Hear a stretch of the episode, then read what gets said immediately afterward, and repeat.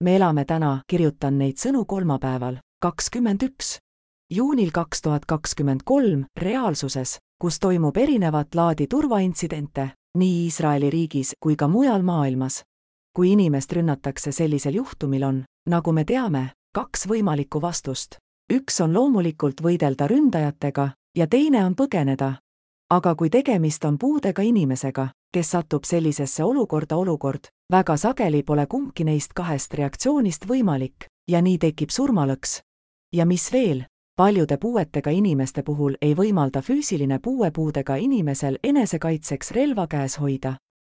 Nendel põhjustel võib olla ruumi kaaluda avatud kaitsevahendeid, mida puudega inimene saaks kasutada sellises olukorras.